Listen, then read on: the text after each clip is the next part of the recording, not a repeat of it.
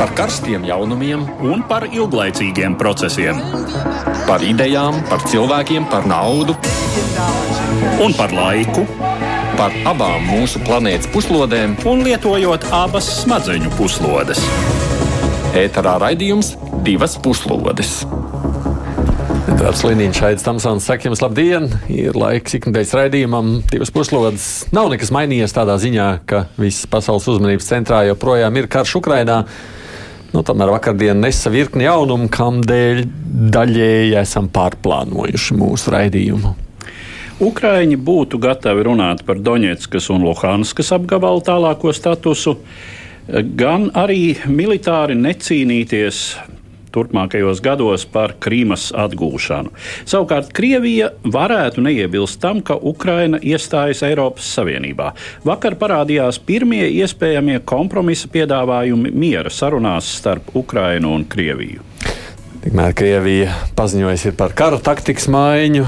Kievas virzienā militārā aktivitāte tikšot būtiski samazināta, galvenā uzmanība būs atveltīta Donbass atbrīvošanai, iepriekšāk teikt, iekarošanai. Kā šādus Krievijas paziņojumus vērtēt, ko tad varam sagaidīt tālāk militārajā frontē? Un nevaram raidījumā nepieminēt arī situācijas sāsināšanos Kalnu Karabahā.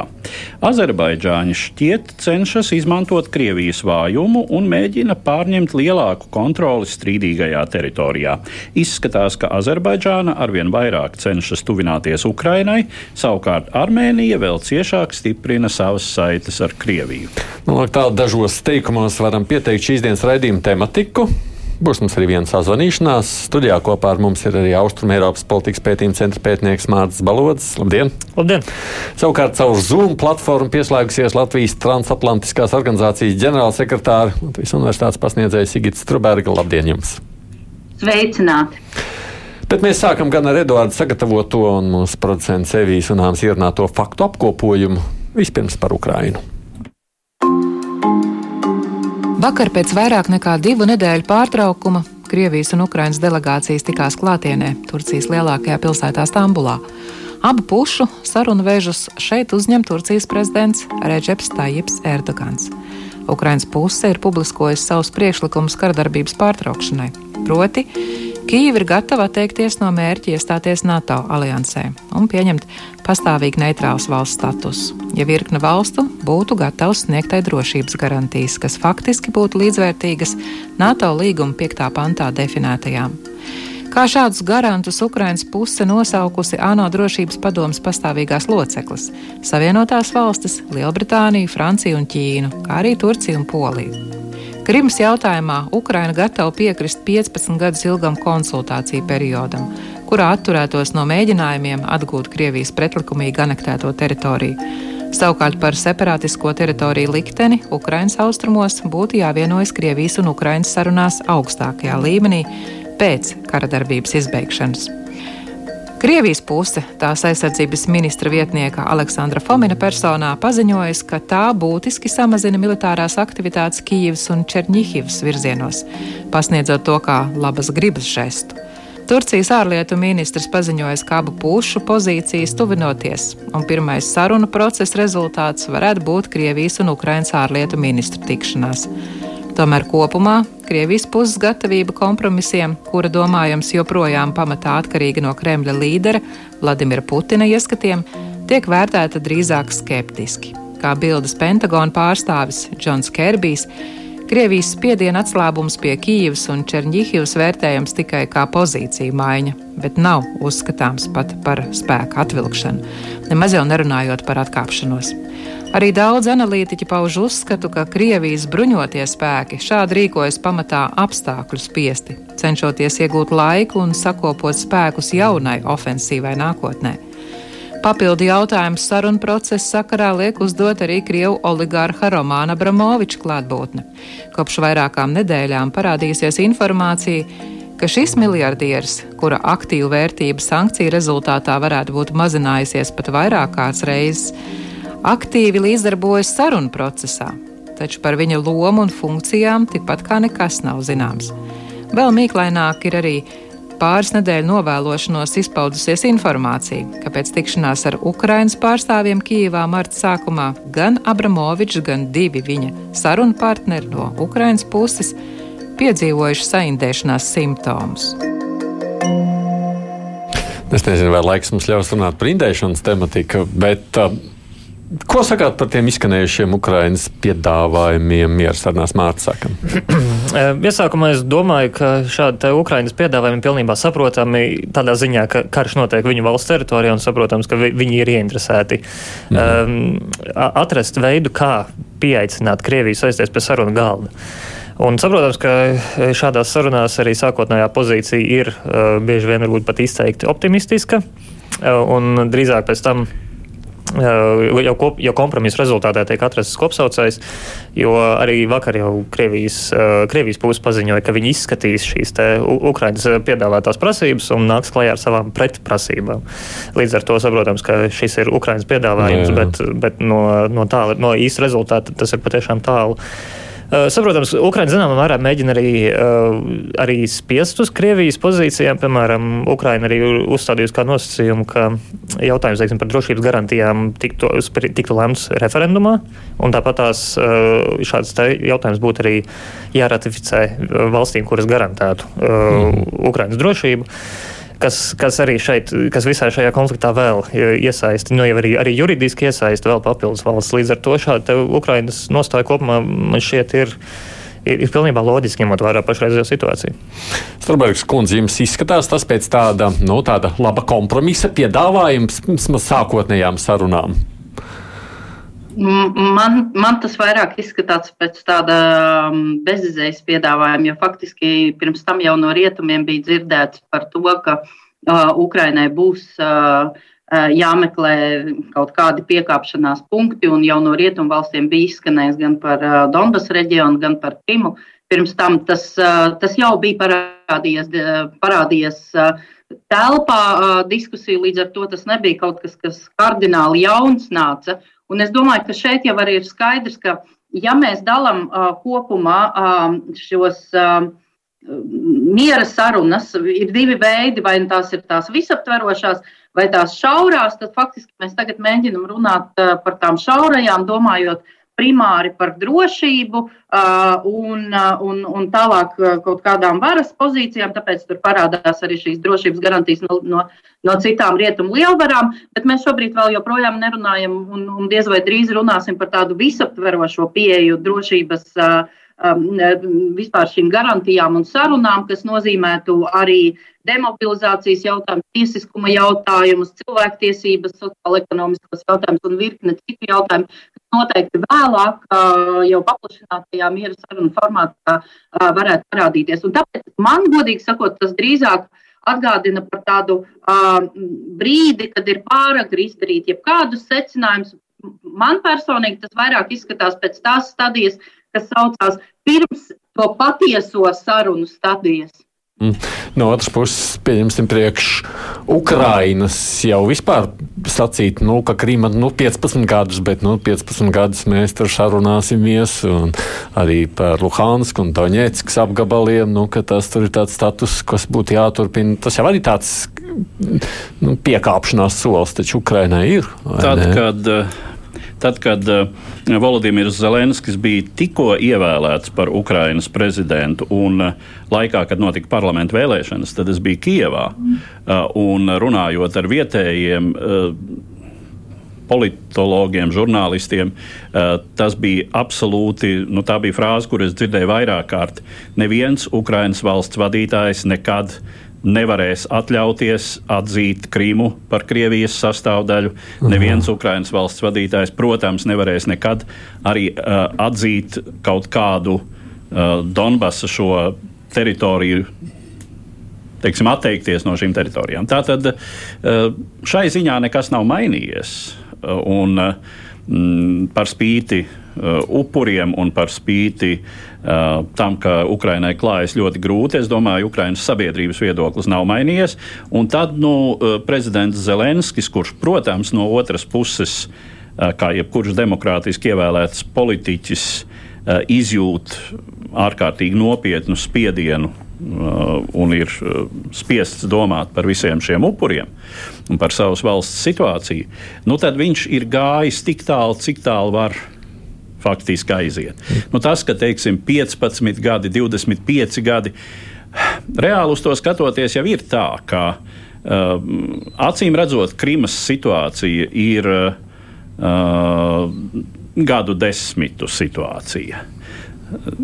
Ja vien Krievija turpina pastāvēt tāda, kāda tā ir šobrīd, uh, pat pie režīma maiņas, jo tur no otras puses ir apmēram uh, cik nu mēs varam spriest, tikpat eh, teiksim, eh, cirvis iedzīts zarā. Ja?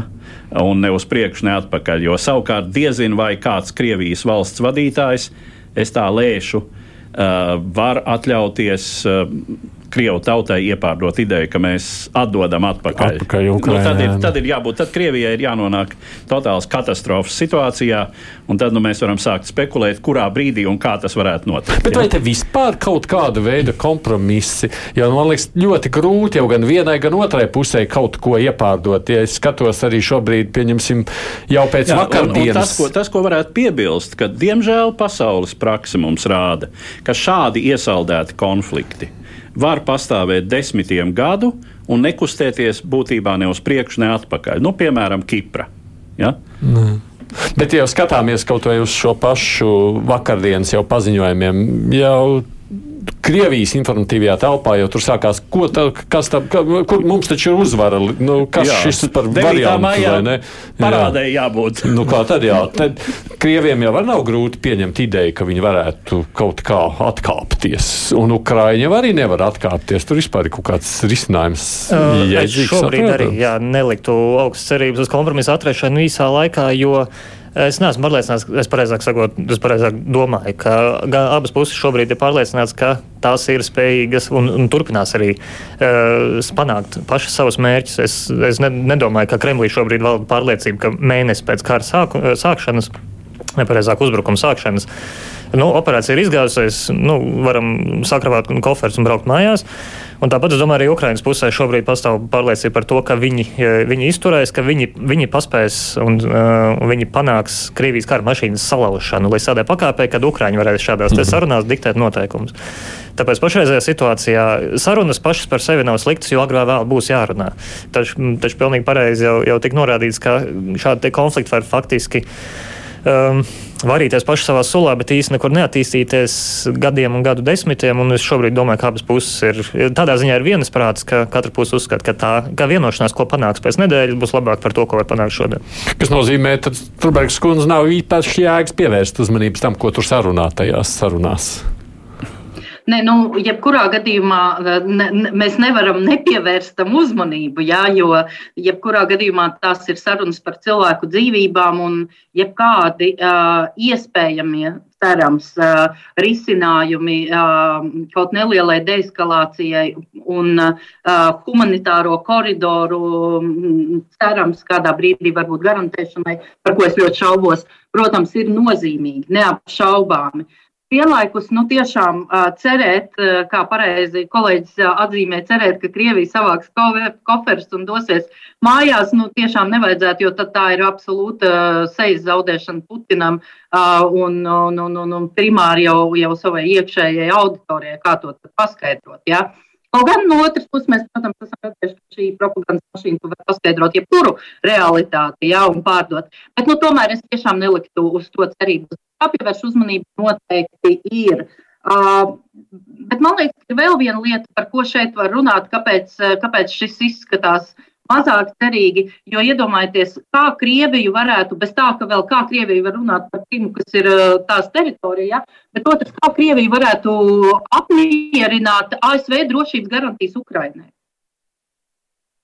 Nu, tad, tad, tad, tad, tad, jebkurā gadījumā es neredzu tiešām tam uh, tam tādus ātrus risinājumus. Es nedomāju, ka šis drošības garantiju risinājums būs, būs tas, tas, ar ko Krievija būs ar mieru. Bet nu, ir jāskatās tālākā saruna gaita. Mm. Es tikai, nu, man, man pašam liekas, droši vien, ka Kremlim ja būtu vieglāk savai tautai kaut ko iestāstīt nekā Zelenskim savai. Ne? Nu, es domāju, ka tieši tā ņemot vērā Krievijas informatīvo telpu, īpaši, kas ir noticis pēdējā nedēļa laikā, tur iestāstīt, es domāju, tas nav jautājums, tas ir pāris stundu jautājums. Nu, respektīvi, es, es teiktu, nav runa par pārliecināšanu, ja, ko mēs saprotam ar iestāstīt. Uh, Zelenskis, protams, ir ieguvis pēdējā laikā milzīgu autoritāti. Uh, un kā savu elektorātu un vispār savas valsts sabiedrību pārliecināt spējīgs politiķis. Uh, ir uh, nu, apskaužams piemērs uh, te visā pasaulē. Uh, runa droši vien ir, es, es pat lietotu vārdu iesmērēt. Ja? Cik, mm. Cik liels ir iespējas vienai un otrai pusē pūderēt smadzenes savai auditorijai, sav, savas valsts sabiedrībai? Uh, Zelenskis to protams, nevar atļauties darīt. Nu, nu, arī tehnoloģija no, nav iestrādāta. Es domāju, ka uh, ne Zelenskis, ne viņa politiskā komanda, ne partija, kuru viņš vada, nu, nekad teiksim, neatļausies. Tie, tie ir citi principi. Ja? Mēs, runājam, mēs faktiski tiešām runājam par divām diezgan atšķirīgām pieejām. Uh, kuru pamatā ir runa par to, ka viena sabiedrība kļūst ar vienu Eh, totalitārāka. Faktiski jau tas, eh, tas pamazām eh, no tāda vidusmēra autoritārisma tiešām sāk pāraugt totalitārā. Mm, totalitārā sabiedrībā, otra sabiedrība tomēr dara visu, lai saglabātu savu demokrātisko raksturu. Jā. Tās ir fundamentālas atšķirības, kas arī no, fundamentāli nosaka citu runas veidu, citu komunikāciju uh, Uh, un citas attiecības, pat kara apstākļos. Tikai pirms pievēršamies uh, militāriem aspektam, es gribu to vienu pajautāt. Stubārgs kundze, jūs nemulsina tas, ka nu, arī šajās piedāvājumā par Daņetsku un Luhansku, nu tad šo statusu mēs turpinātu tālāk starp Zelensku un Putinu.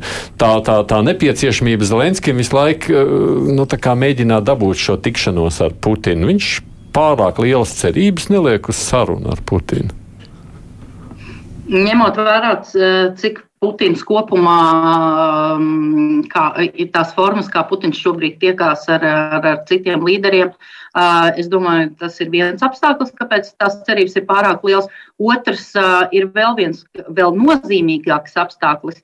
Ja Putins tiekās ar Zelenski, tas nozīmē faktiski daļēji atzīt par Zelenski par gandrīz līdzvērtīgu, kas iet pretrunā ar to, ko Putins līdz šim ir teicis un darījis attiecībā uz Ukrainu un Zelenski. Kas varētu būt iemesls, ja kāpēc tā tikšanās būtu nozīmīga? Ja es domāju, ka Zelenskis tieši Tieši ar šādu aprēķinu arī vadās, jo arī pēdējā mēneša laikā esam redzējuši to, ka viņš ir, viņš ir spējīgs uzņemties vadību arī krīzes situācijās, bet viņš arī noteikti saprot šādu arī psiholoģisko efektu, kāds, teiksim, kāda reakcija izraisa Kremlī, ka prezidents, kurš ir saukts par, par fašistu vai, vai par fašistiskas valsts vadītāju un visā citādi lamāts un apsūdzās no Kremļa puses, ka nu, pēkšņi viņš var sēsties kā viens pret vienu ar, kā līdzvērtīgs ar, kopā ar Putinu. Nu, bet nav jau pasaules vēsturē pirmais unikālais gadījums, kad, kad viens otru nodēvē visos iespējamos epitetos un pēc tam sēžas pie sarunu galda. Mm -hmm. Tā otra ziņa, kas vakar, protams, paralēli nu, tikpat tika pieminēta, bija Krievijas sacītais par uh, viņu militārās stratēģijas maiņu. Pirms es uzklausu manu sarunas biedru pie telefona. Uh, Eduārda, kā tu skaidro šo paziņojumu? Nu, ja tu jautā, ar ko tas ir izskaidrojams? Ar to, ka Krievijas militārās operācijas sevišķi piesauktajos virzienos pie Kijivas un Černihivas ir cietušas, es teiktu, ka fiasko no militārā mm -hmm. viedokļa. Jā, tā ir tāda vienkārši un, esošās situācijas jā, nu, attaisnošana, ja nu, jā, tas ir, tas ir tāds glīts iepakojums, kurā ir ielikts tas, kas jau, jau ir vismaz nedēļa tiek viļāts. Jā, par to, ka nu, mēs esam sasnieguši savus mērķus, ka mums jau sākotnēji bija doma. Nu, tā tad novājināsim Ukrainu, lai pēc tam varētu sakārtot visas lietas Donbasā. Nu, tas uzstādījums, kas mm -hmm. tagad ir aktuāls uh, un kas jau pirms šīm miera sarunām tika pausts no Krievijas aizsardzības ministrijas puses. Es tagad neatceros, kuru dienu, jā, bet tas bija jau pirms dienām, četrām, piecām. Manuprāt. Mm -hmm. Nu, mēs esam sazvanījuši mūsu ļoti nu, tādu uzticamo, jāsaka, militārās stratēģijas komentētāja aizsardzības zemesardzes štāba pārstāva kapteini Jānis Laidiņš. Laidiņa kungs, vai jūs mūs dzirdat? Labdien! Jā, dzirdu, dzirdu, Jā. labdien! Paldies, ka atrodat laiku vienmēr sarunai ar mums. Kā jūs vērtējat savukārt šo vakardienas paziņojumu? Nu, jāskatās tā, ka militārā situācija ir diezgan smaga un nevajadzētu lolot kādas ilūzijas, ka kaut kas tuvākajā laikā būtiski mainīsies. Uh, Krievija, uh, Krievija vajag kādu uzvaru, jā, un mēs redzam, ka šie Krievijas pārgrupēšanās, uh, kas tagad notiek, jā, kaut vai Kievas un Čeņīkavas virzienā, uh, būtībā nozīmē to, ka Krievijas spēki pārgrupējas. Ja. Es nedomāju, ka šīs vakardienas sarunas, ko Krievija uzsvēra, ka viņi samazinās kauju intensitāti šajās sektoros ja, un uh, pievērsīsies uh, tīri austrumiem, tas ir pilnīgi skaidrs, ka tur ir tagad tas smagumpunkts tiek veidots. Un uh, vissliktākā situācija, teiksim, ir Ukrainas austrumos un uh, dienvidu austrumos pie Mariupoles. Un, ja tuvākā laikā Mariupolē nesaņems atbalstu, tad tikai laika jautājums, uh, kad viņa kritīs, un to varēs uzskatīt par vienu no Krievijas lielākajiem panākumiem šobrīd. Un labi saprotot, ka Ukraiņu spēki nevar sniegt uh, šo palīdzību, lai šo pilsētu atbloķētu. Jā. Nu, tas nozīmē, ka šis ir tāds publisks paziņojums, lai beidzot pateiktu, nu, re, te nu mēs esam izdarījuši kaut ko. Jā, nu tas jebkurā gadījumā būs panākums, jā, un uh, spēki atbrīvosies, un mēs redzam, ka tomēr šīs Krievijas um, virziens ir aplenkt Ukraiņu bruņoto spēku, tātad šo apvienoto operāciju spēku grupējumu Ukraiņas austrumos. Vai šīs uh, nu, izveidojušies koridors līdz ar to starp Krīmu? Ļaujiet man tādu vienkārši iezīmēt saprašanu starp Krīmu un austrumiem. Un, un, un, nu jā, tā, tā, tā, ir, tā ir tā Luganskas, jeb Donbass teritorija, vai tur ir jau kaut kas papildus pievelkts klāt? Nu, būtībā tur ievelks papildus, ja mēs skatāmies to ko pašu koridoru sauzemes līdz uh, Krimai, tad tur jau ir uh, ārpus uh, Uh, Doņetskas administratīvām uh, robežām. Mm -hmm. Sakiet, kas ir savu... Mariupola tikai tas, kas vēl, kā saka, tur Ukrainu pie Azavu jūras, jā. Tātad krītot šim cietoksnim, tad Krievija kontrolē pilnīgi visu teritoriju līdz Krimai. Nu, labi, tagad viņi ieņems Mariupolu un acīm redzot, savus spēkus stiprinās, lai varētu tajā galā atgūt visu to gan Donbass teritoriju, kur nu viņi tur grib ieņemt. Un tālāk. Nu, jāskatās tas, ka viņi arī cietuši ļoti smagus zaudējumus. Tas prasīs laiku, lai viņi reorganizētos, lai piegādātu rezervēs, pārapbruņotos, tas nebūs tik ātri. Bet, protams, uh, Mariupols krišana atbrīvos uh, spēkus, ja, kuri būtu gatavi doties ziemeļu virzienā, tātad veidot šo ielenkumu. Kas nozīmē, ka ja šobrīd viņi pārgrupē spēkus no Kievas, tad viņi pēc tam visticamāk varētu grupēt atpakaļ pie Kievas. Jā, to Kievu nevajag atmest, teiksim, galīgi. Jebkurā gadījumā tas ir drauds, jā. Un to arī rāda šīs kaujas, kas notiek, šie Ukraiņu bruņoto spēku pretuzbrukumi, jā, tā kā viņi jau nav visu izvilkuši laukā. Ir izgājuši tikai dažas bataljonu taktiskās kaujas grupas. Jo viņi jau arī saprot, ka vienkārši tāpat atdot šo teritoriju, nu, tas ir diezgan muļķīgi no militārā viedokļa, ja Ukrainas galvaspilsēta ir tik tuvu. Mm. Un Harkīva, kas notiek ar Harkīvu? Nu, Harkīva arī viens no tiem, kā saka, smaguma centriem, kurš, uh, uh, kuru Ukraina kontrolē un nedod izvērsties tālāk Krievijas bruņotiem spēkiem. Jo tas ir liels ceļa mezgls, kas ir nepieciešams manevru iespējām. Vai tas vakardienas paziņojums drīzāk ir jāuztver kā tāds paziņojums, politisks paziņojums, vai tam ir arī tiešām kaut kāda mm, tāda taktiska militāra jēga? Nu, taktiski militāra jēga tam, es domāju, nav nekāda. Tur kaujas turpināsies, tas ir vairāk politisks, jā. Bet, protams, jāņem vērā arī tas, ka uh, Krievijas bruņoties spēki šajā virzienā nav guvuši izšķirošos panākumus, ja, bet te ir tas attālums, cik ir ļoti tuvu līdz šai Ukrainas galvaspilsētai. Tā kā tur var atgriezties kaujas smagas jebkurā brīdī. Tiklīdz Krievija gūs kādus panākumus Ukrainas austrumu pusē, tā, protams, Kieva var kļūt atkal par nākamo vietu, kur veidot šo smagumu punktu, lai gūtu kādus rezultātus. Paldies, Jānis Laidiņš, kurš ir zemesardzes štāba pārstāvs. Kapteinis, paldies jums par veltīto laiku un sarunu. Kolēģi, klausoties tajā visā, kādi komentāri pēc visa šī mācība? Um, es domāju, tas galvenais komentārs ir īpaši, ja uz to skatāmies kontekstā ar, ar um, vakardien izskanējušajām ziņām par, uh, par Ukraiņas piedāvājumu šajās miera sarunās. Es domāju, šeit galvenais, ir, ko atcerēties, ir tas, ka īpaši kara laikā kara vai teiksim, notikumi kara laukā un sarunu process iet roku rokā, un tas ietekmē viens otru abos virzienos. Un tāpēc arī paziņojums par, par it kā notiekošu atkāpšanos, vai vismaz ierobežot atkāpšanos no Kijavas, tika pamatots ar nepieciešamību ļaut Kijavai atgriezties kaut kādās normālās darba sliedēs, tāpēc, ka tur redz strādājo diplomāti, kuriem ir nepieciešams strādāt pie, pie, pie miera vienošanās, tāpēc mēs pārstāsim pa viņiem šaut. Saprotams, pat ierobežot atkāpšanās no Kijavas nenozīmē, ka, ka Krievija tāpēc um, liks, liks mieru. Un kopumā es domāju, ka šis ir apliecinājums tam, ka Krievijā tomēr nostiprinājusies izpratne, ka sākotnējais operācijas vēriens bija pārāk plašs. Ja austrumos un dienvidos tās, tie, tie panākumi vēl kaut, kaut cik ir, taču īpaši arī virzienā uz Kijevu šis uzbrukums apsīk, tāpēc iespējams jā, šobrīd, šobrīd ir nepieciešama kaut kāda konsolidācija, pārgrupēšanās, virzīšanās uz vienu noteiktu mērķi un pēc tam meklēt nākamo mērķi un tādu koncentrētu un, un grupu veidu kustību uz vienu noteiktu mērķi nevis mēģināt noklāt te visu mm -hmm. Ukraiņas pierobežu.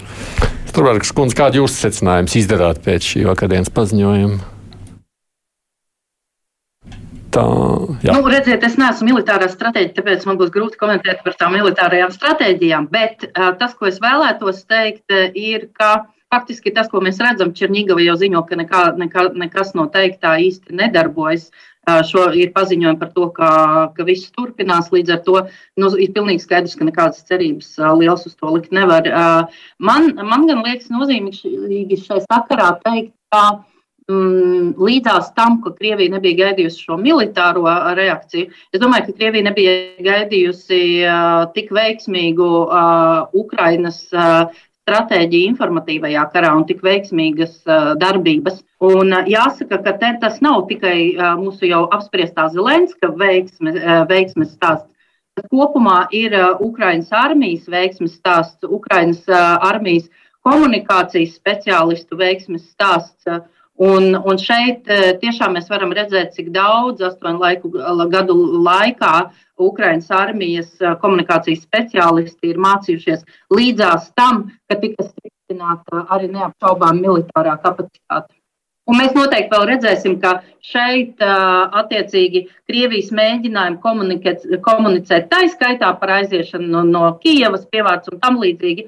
Es, es pieņemu, ka Ukraina, Ukraina spēs atbilstoši informatīvi arī reaģēt turpmāk. Nu jā, jā, es pat domāju, ka tikai aizsardzības spēki man jau arī liekas, paši pieņemsim prezidenta biroju. Viņi tā spēja komunicēt. Nu, viņi taču māca atrast, acīm redzot, viņa zvanu, saka, nevajag jums interviju ar prezidentu vai ne? Un tur, tur, nu, nu, nu, pēc kā izstāsta kaut kādiem Krievijas žurnālistiem, nu, kādā veidā, vai ne? Nu, man liekas, viņi tā ļoti veiksmīgi ielien visur iekšā, kur vien var ielīst, vai ne? Un spēja nu, viņi katrā ziņā uzturēt. Prot radīt, nu, es teiktu, te jau optimāli kara situācijai tādas atvērtas komunikācijas. Jā. Diezgan caurspīdīgas komunikācijas iespaidu. Jā, protams, viņi neko nesaka, piemēram, par saviem cilvēku upuriem. Uh, mēs nedzirdam. Mm -hmm. ja. Un neviens baigi neuzbāžas. Un neviens baigi arī neuzbāžas. Nu, ap, apmēram jau tie skaitļi ir, ir diezgan skaidri. Nu, ap, ne, nevis diezgan, bet aptuveni kaut mm. kādas nojautas ir par šiem. Bet nu, mēs arī tiešām neredzam no Krievijas puses tas arī ir zīmīgi, ka mēs neredzam daudzus ukraiņu karagūstekņus, ar kuriem uh, parādītos kaut kur sociālajos tīklos izsviestas. Vismaz es -hmm. neesmu sastapis. Nu, Nītu pa kādām vakar bija divi, man liekas, kur ir kā arestēti, jā, kas esot tur tādie baigie spīdzinātāji. Nu jā, kur, mm. kurš, protams. Bet tās visas ir nianses, bet, protams, jā, šī komunikācija ir, ir visnotaļ var piekrist. Nu, vēl, Uh, es gribu jautāt, šajā, šajā Krievijas militārā paziņojuma sakarā, sakot, Tas, ko es sacīju, savukārt Krievijas sociālos tīklos parādījās. Kā mēs Kievu atdodam? Nu, kas, tas, nu, kas tas vispār ir? Kam tad, par, ko tad mūsu puiši tur krīt? Jā, Vai šādi jā. paziņojumi nav riskanti arī pašas Krievijas teritorijā? Nu, vis, tomēr viss šis karš Krievijai, protams, ir totāli riskants. Nu, un šie paziņojumi ir tikai daļa no kopējās ainas. Jā, tas, protams, tas ir indikators, ka uh, Krievijas sabiedrība ir gaidījusi pavisam kaut ko citu. Jā. Uh, no, un, nu, labi, Krievijas sabiedrība droši vien šajā ziņā nav absolūti monolīta. Uh, bet tas, ka nu, ir, ir ļoti liela sabiedrības daļa, kur, kur šis urā patriotisma, šovinismu uzbangojums kara sākumā bija uh, stipri liels, un, un nu, šie cilvēki, protams, ir ārkārtīgi. Ārkārtīgi no, nu vīlušies.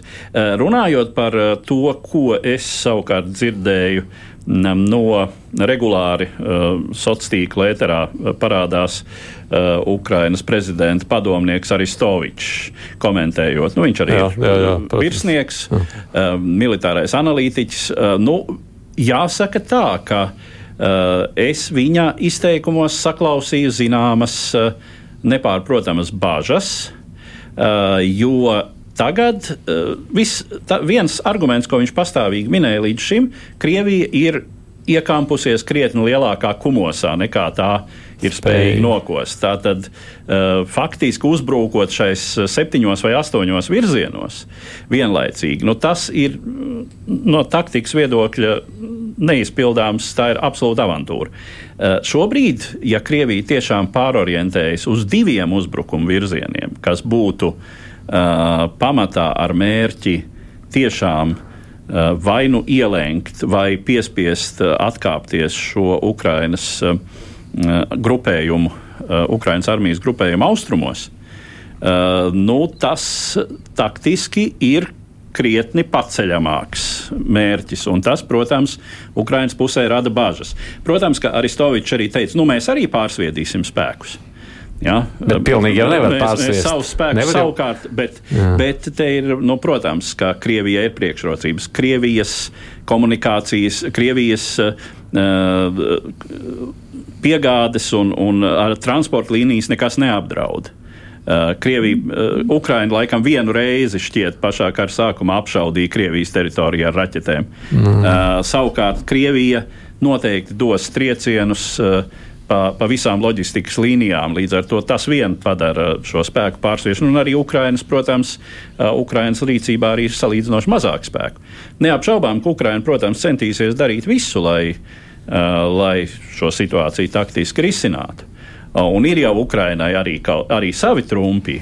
Ja, piemēram, Krievijai nebūtu ļoti viegli šobrīd noturēt to salīdzinoši vislielāko teritoriju, ko tā ir iegūsta. Tas ir pašus Ukraiņas dienvidus, ja šo sauszemes ceļu. Jo nu, šobrīd tur ir tikai pamatā nevardarbīga pretošanās, mēs redzam. Ja? Bet tā ir pietiekami pārliecinoša. Uh, jebkurā brīdī šī nevardarbīgā pretošanās ar mazu Ukrainas eh, tā sacīt aktivizēšanos eh, var pārvērsties mhm. bruņotā pretestībā. Ah, skatīsimies, lūkosim, jebkurā gadījumā tas jautājums, kādas ziņas no fronts mēs dzirdēsim nākamajās dienās, sliktas no austrumiem vai, vai labākas no Kijavas puses, to jau mēs, protams, redzēsim, sekojot visam līdzi. Bet ir tiešām visā uh, šajā notikumā kāds aspekts, kas parādās kara sakarā. Pati Krievija tagad ir tik ļoti aizņemta karā ar Ukrainu, ka citi, kuriem Krievija ir bijusi kā tāds atrošs spēks citos konfliktos, šķiet sāk izmantot situāciju, lai stiprinātu savas pozīcijas. Nu, tādu Vispilgtāko piemēru mēs šobrīd redzam Kalnu Karabahā. Tur aktivizējusies Azerbaidžāna. Klausāmies notikuma apkopojumu. Pēc divus mēnešus ilgas kara darbības 2020. gada rudenī starp Azerbaidžānas un Armēnijas bruņotajiem spēkiem Kalnu Karabahā tika noslēgta trīspusēja vienošanās starp Armēniju, Azerbaidžānu un Krieviju. Azerbaidžāna paturēja teritorijas, kuras tās spēki bija ieņēmuši karadarbības rezultātā. Reģionā tika izvietoti Krievu mieru uzturētāji, kuri cits starpā nodrošina transporta koridoru, kas savieno Kalnu Karabahā izveidoto un startautiski neatzīto Arcahas republiku ar Armēnijas teritoriju. Pagājušo nedēļu izpaudās ziņas, ka 24. martā Azerbaidžāņu spēki ieņēmuši Krievu mieru uzturētāju kontrolētajā zonā esošo Paruhas jeb Faruhas ciemu, no kurienes evakuēti armēņu iedzīvotāji. Sadursmēs ar Azerbaidžānu spēkiem nogalināti 3 un ievainoti 15 armēņu karavīri. Azerbaidžāna spēki īstenojuši arī vairākus bezpilotu lidaparātu Bairaktaru uzbrukumus armēņu pozīcijām. Sekoja Krievijas pieprasījums Azerbaidžānai pārtraukt kara darbību un atvilkt spēkus. Un 27. martā Krievijas puse ziņoja, ka Azerbaidžāņu daļas pametušas paruhu. Savukārt Azerbaidžānas aizsardzības ministrija savā paziņojumā to noliedza, paziņojot, ka tās pozīcijas ciema apkārtnē paliek nemainītas. Armēnijas puse savukārt ziņoja, ka Azerbaidžāņu spēki atstājuši pašu ciemu, taču turpina nozīmīgi koncentrēt spēkus tā tuvumā. Tiek atzīmēts, ka pamiera noteikumu pārkāpumu skaits no Azerbaidžāņu puses nemitīgi pieaudzis kopš kara darbības sākuma Ukrainā. Tāpat arī asi izteikumi Azerbaidžānas medijos, kas vērsti tā skaitā pret Krievijas mieru uzturētājiem. Analītiķi to saista ar Krievijas uzbrukumu Ukrainā, kas pirmkārt novērsis starptautiskās sabiedrības uzmanību no situācijas Karabahā, Otrkārt, atklājas, ka Krievijas bruņoto spēku efektivitāte ir krietni mazāka nekā uzskatīts agrāk. Sociālajos tīklos parādījusies informācija par iespējamu daļēju Krievijas mieru uzturētāju pārsviešanu no Kalnu Karabahas uz Ukrajinu. Divas puslodes! Atgādījums studijā bez Edvarda Liniņa un manis ir arī Austrumēropas politikas pētījums centra pētnieks Mārcis Balods un attālināti ir pieslēgusies Latvijas transatlantiskās organizācijas ģenerālsekretārs Sigita Struberga. Strubergs kundze ciemesls, kāpēc Azerbaidžāna tā ir aktivizējusies, ir tāds cerība, ja, ka Krievijai nebūs spēka vairs tik daudz darboties aktīvi Kalnu Karabahā. Nu, Azerbaidžāna neapšaubām šobrīd izmanto to īsto brīdi, lai, lai iegūtu sev vēlamākas pozīcijas. Un, protams, ka Krievija, es pieņemu, ka turpin, turpinās mēģināt saglabāt pozīcijas, bet vienlaikus, protams, ka spriežot pēc tā, kas notiek Ukrainā, Krievijas spēki ir ierobežoti. Bet vai Uh, bet vai tas nozīmē, ka um, Azerbaidžāna ievērojami iegūs uh, no šīs situācijas? Uh, man šķiet, ka tā būtu pārsteigts secināt. Mm. Cik daudz gatavu būtu, jūsuprāt, doties Azerbaidžānā, cik tālu šādā situācijā uz priekšu? Nu, šo man ir grūti prognozēt, jo tas nav jautājums tikai par Krievijas vājumu. Šeit reģionā ir arī citi spēlētāji, tā skaitā Azerbaidžānai būs nepieciešams Turcijas atbalsts. Nu, kas tai gan, protams, tādā ziņā ir.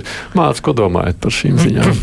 Es domāju, jā, es varu pilnībā piekrist tikko jau izskanējušajiem. Es domāju, ka kontekstam ir svarīgi arī atzīmēt, ka 2020. gadā notikušais karš vai, vai kārtējais karš starp Azerbaidžānu un Armēniju beidzās pēc būtības ar neko. Azerbaidžāna nonāca pie secinājuma, ka ar Turcijas politisko un militāru atbalstu un, respektīvi, spēku ir iespējams risināt teritoriālus konfliktus.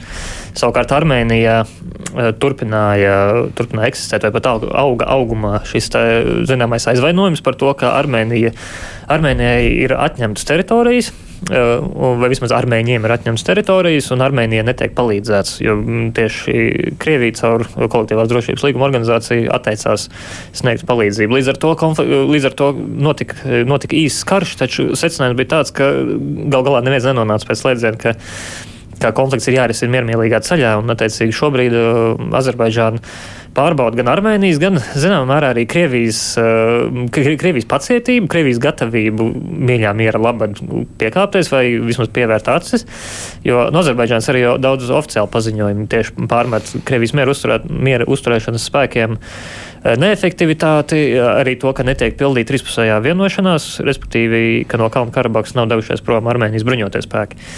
Un uh, notika pat, uh, pat uh, verbāls uzbrukums Krievijas mieru uzturēšanas spēku vadītājiem, ja nemaldos, pat komandierim, kurš tika apsūdzēts korupcijā. Līdz ar to Azerbaidžāna šeit acīm redzami meklē ievainojamības un mēģina pārbaudīt, cik tālu tā, cik tālu tā ļaus iet faktiski. Tas Krievijai nav tāds gods jautājums, nu, ka viņai tur arī vajadzētu spēt savu misiju pildīt.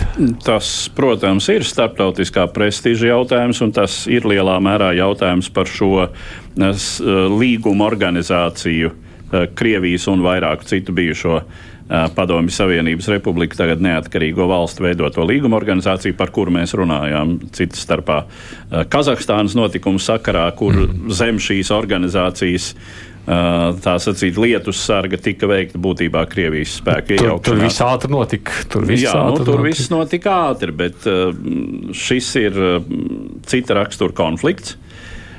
Un, Kā jau, kā jau atzīmēts, Azerbaidžāna var rēķināties ar Turcijas atbalstu, vismaz nu, militārs atbalsts, arī politisks atbalsts.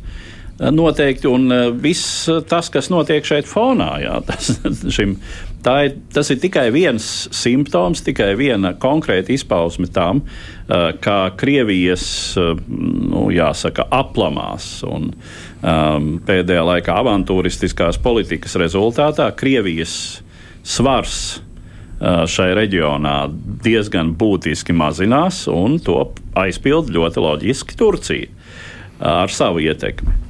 Uh, un, uh, nu, jā, šis ir tāds, uh, kā saka, no tīra militārā viedokļa, varētu teikt, izlūkošana ar kauju. Ja? Iegājām ciematā, paskatījāmies, kas notiks. Nesekoja Krievijas militārais trieciens. Sekoja Krievijas pieprasījums atkāpties, un pēc tam lūk šie paziņojumi, kas nu arī ir pietiekami spilgti, jo runājot par Azerbaidžānas aizsardzības ministrijas paziņojumu šai sakarā. Tur vēl arī Krievijai tika aizrādīts, ka tā savos, savos tekstos nepareizi lieto šīs apdzīvotās vietas nosaukumu.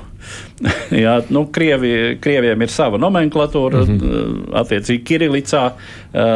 Man nav tagad prātā, kāda. Nu, šķiet, ka Krievi, Krievi to raksta nu, un izrunā kā farug. Un viņiem tika aizrādīts, ka lūk, Azerbaidžāņu valodā, kas ir vienīgā leģitīmi lietojamā šajā teritorijā, kas ir Azerbaidžānas teritorija, būtu jāsauc to korekti par farūhu. Jā, tā tad, nu, tas arī kaut ko liecina.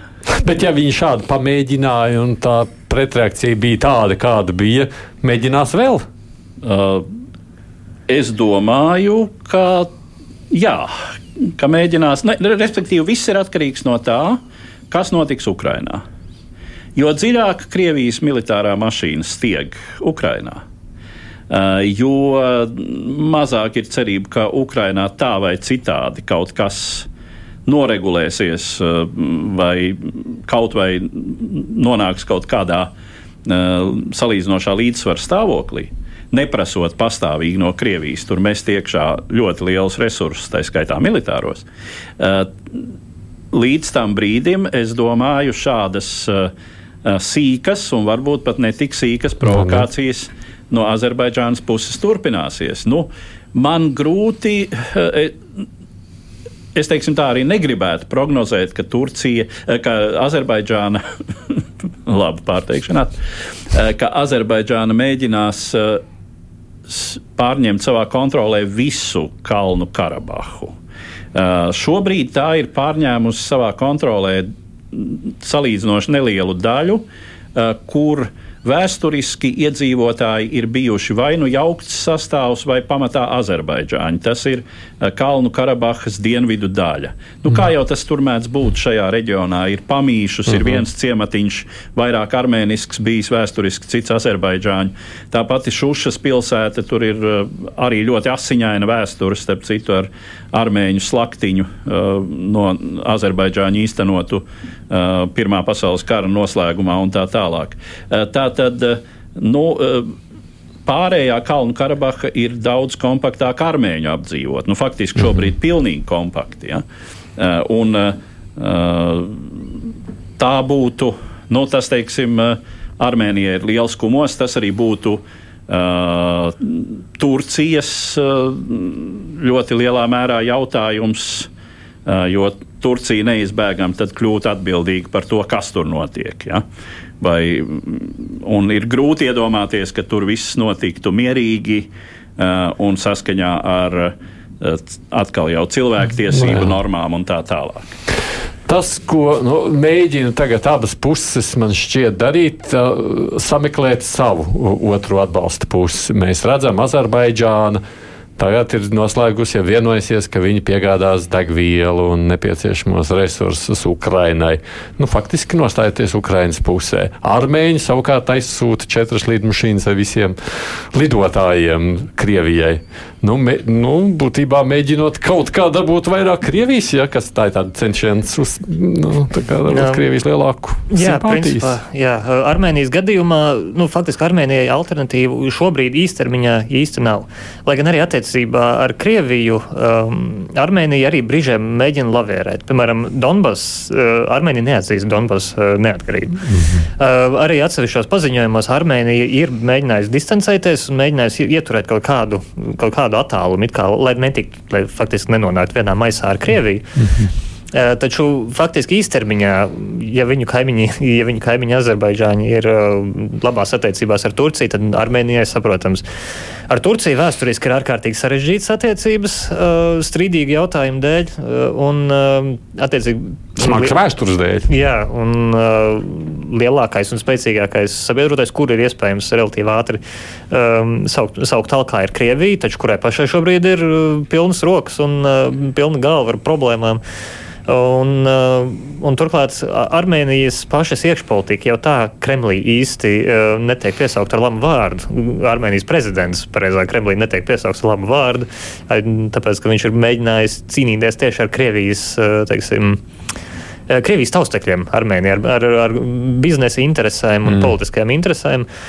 Un, uh, tas arī jau, jau pirms pusotra gada tika minēts kā viens no argumentiem, kāpēc. Viņš nomainījās kā prezidents Armēņiem. Ne? Es jaucu. Atkāpās taču iepriekšējais prezidents. Nē, jā, bet mēs runājam par premjerministru. Par premjerministru? Jā, jā, par, par, par, par premjerministru. Paldies, ka izlabojāt. Jā, jā. Uh, bet jā, katrā gadījumā tāpēc jā, šeit attiecības arī starp Armēniju un, un Krieviju arī nebūtu, nav, nav tik vienkārši, nav tik saliedētas. Un turklāt Krievija joprojām pastāv šis tā, juridiskais atkāpšanās ceļš, proti kolektīvās drošības līguma organizācijas um, kolektīvās aizsardzības principi darbojas valsts starptautiski atzīto teritoriju robežās. Un ar tieši tādu attaisnojumu Krievija un KDLO nesniedz palīdzību pirms pusotra gada, tāpēc, ka Kalnu Karabahas teritorija, kurā notika kara darbība, nav daļa no Armēnijas starptautiski atzītajām uh, robežām. Man tajā visā stāstā mulsina jau liekas tāds paradoxāls tas fakts, ka nu, būtībā jau Azerbaidžāna ir krietni nedemokrātiskāka par Armēniju, bet sanāk tā, Armēnija tā ir draugos ar Krieviju un Azerbaidžāna ar Ukrainu. Nu, tā kā pilnīgi tādās pretsaustās sadaļās, Turbergs kundze, kā to politiski salikt kopā tagad? Man šķiet gluži vienkārši. Tās ir uh, nacionālās intereses un ģeopolitika. Un tajā brīdī tur ne, ne, ne, neviens īsti nemērīs demokrātiju. Uh, tas ir jautājums par interesu realizāciju. Demokrātija ir kaužām mazsvarīgs jautājums, izrādās tomēr. Jā.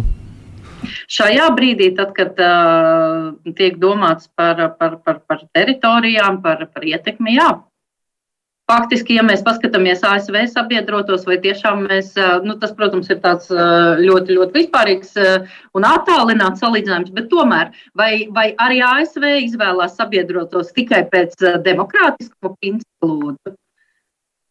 Nu, kas ir mazliet tā kā tāds, nezinu, morāls nu, jā, nu, dilemmas jautājums. Mūsdienās varbūt pasaule šai ziņā ir pārkārtojusies mazliet vai tuvāk, teiksim, vērtību orientieriem. Un tās iespējas varbūt ir drusku lielākas. Pagātnē, kad pretstāvi bija augstākā laikā starp šiem diviem blokiem, Eh, kur jā, Padomju Savienība nepārprotam totalitāra valsts, Savienotās valstis nepārprotam demokrātiskas, bet kā nu kurā reģionā eh, teiksim, kad Grieķijā notika militārs apvērsums 60. gada beigās, pie varas nāca hunta. Eh, neviens Grieķiju no NATO tāpēc neizmeta. Jā. Tas pats attiecas uz Turciju. Turcijā vairāk kārt militāristi uz ilgāku vai īsāku laiku nomainīja civilo pārvaldi, pavaldīja. Nu, pēc tam ļāva atkal notikt parlamentu vēlēšanām. Atgriezās pie demokrātijas. Arī Turcija bija, kā bija NATO dalība valsts, tā palika. Um, Portugālē uh, Portugāla bija NATO dalība valsts ar ilgi nedemokrātisku režīmu. Un, uh, tie ir tie piemēri, ka, uh, protams, sabiedrotos izvēlējās attiecīgi uh, atbilstoši konkrētā reģiona musturiem. Uh, un šajā gadījumā tā nu, tas ir. Bet Azerbaidžāna arī var atļauties. Azerbaidžāna, protams, ar Turciju saista uh, etniskā kopība, uh, reliģiskā kopība.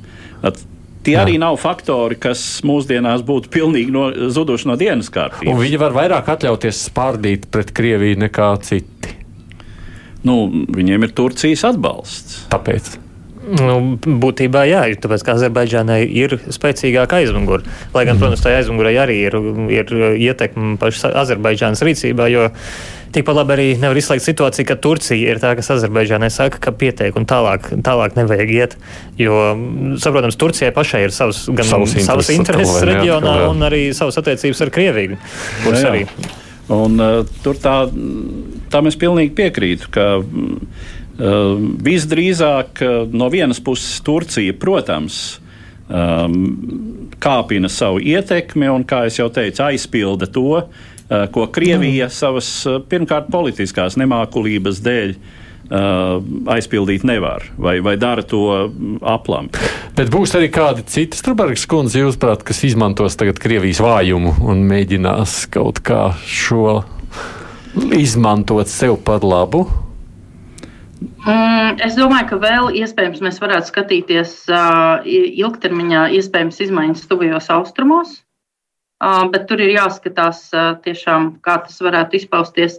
Tas, kas, tas, kas neizmantos, bet kas valsts, kas ir ļoti satraukusies par to, kas notiek, ir Grūzija, bet ar Grūziju ir jāskatās, jo Grūzija, nu, Grūzija jūt šobrīd apdraudējumu, un starp citu, Grūzija arī uzmanīgi skatās Kalnu Karabahā notiekošo. Bet, bet nu, kopumā, protams, ka uh, ir jāskatās arī, kā, kā, kā ASV kā lielvara reaģēs. Uh, man šķiet, kas izmantos Krievijas vājumu, bet ne tādā, tādā, ziņa, tādā veidā, kā varbūt uh, to mēs redzam Turcijas un Azerbaidžānas gadījumā, bet tā būs noteikti Ķīna, kas izmantos Krievijas vājumu, uh, lai, uh, lai, lai veidotu attiecības ar Krieviju tādā veidā, kā, kādā tās ir izdevīgākas Ķīnai. Mm. Tas, kas šobrīd jau tiek minēts spekulāciju līmenī, ir Taģikistāna, kura ir gara robeža ar Afganistānu. Tur ir lielākā Krievijas kara bāze ārpus Krievijas teritorijas, kas lielā mērā ir atturošs spēks pret jebkuru uh, radikālo islāmu, kas, kas nāk pie varas Afganistānā, un šobrīd tas ir nācis pie varas Afganistānā. Jā, jā. Uh, un talību aktivizēšanās uz Taģikistānas robežas jau tiek minēta kā iespējams vēl viens scenārijs, vainoties Krievijas ietekmei, jo Kā zināms, Taģiku minoritāte ļoti ievērojama dzīvo Afganistānas teritorijā, un etniski tie ir atkal lielā mērā tā robeža nesadala. Ne? Tā, tā, ir, tā ir robeža, kas iet cauri etniskai teritorijai. Nu, attiecīgi, mm. Tur var iznākt visādi. Nu, redz, viens konflikts var pavilkt atkal citas stīdziņas, un tā tas notiek. Vēl jau, kā saka, nekas nav nec beidzies, nec pat mēs redzam galu tam visam. Paldies jums par veltīšanu laiku mums, Latvijas Universitātes pasniedzēja Latvijas transatlantiskās organizācijas ģenerālsekretārs Sigits Struberg bija pievienojusies attālināt. Paldies jums! Un tāpat tās savukārt Austrumēropas politikas pētījuma centra pētnieks Mārcis Balodis atnāca šeit līdz Latvijas radio studijai. Nu, mēs, Edvards Liniņš, Aits Tamsons studijā producēja Evi Junām, tiekamies atkal pēc nedēļas Latvijas radio viens ētrā.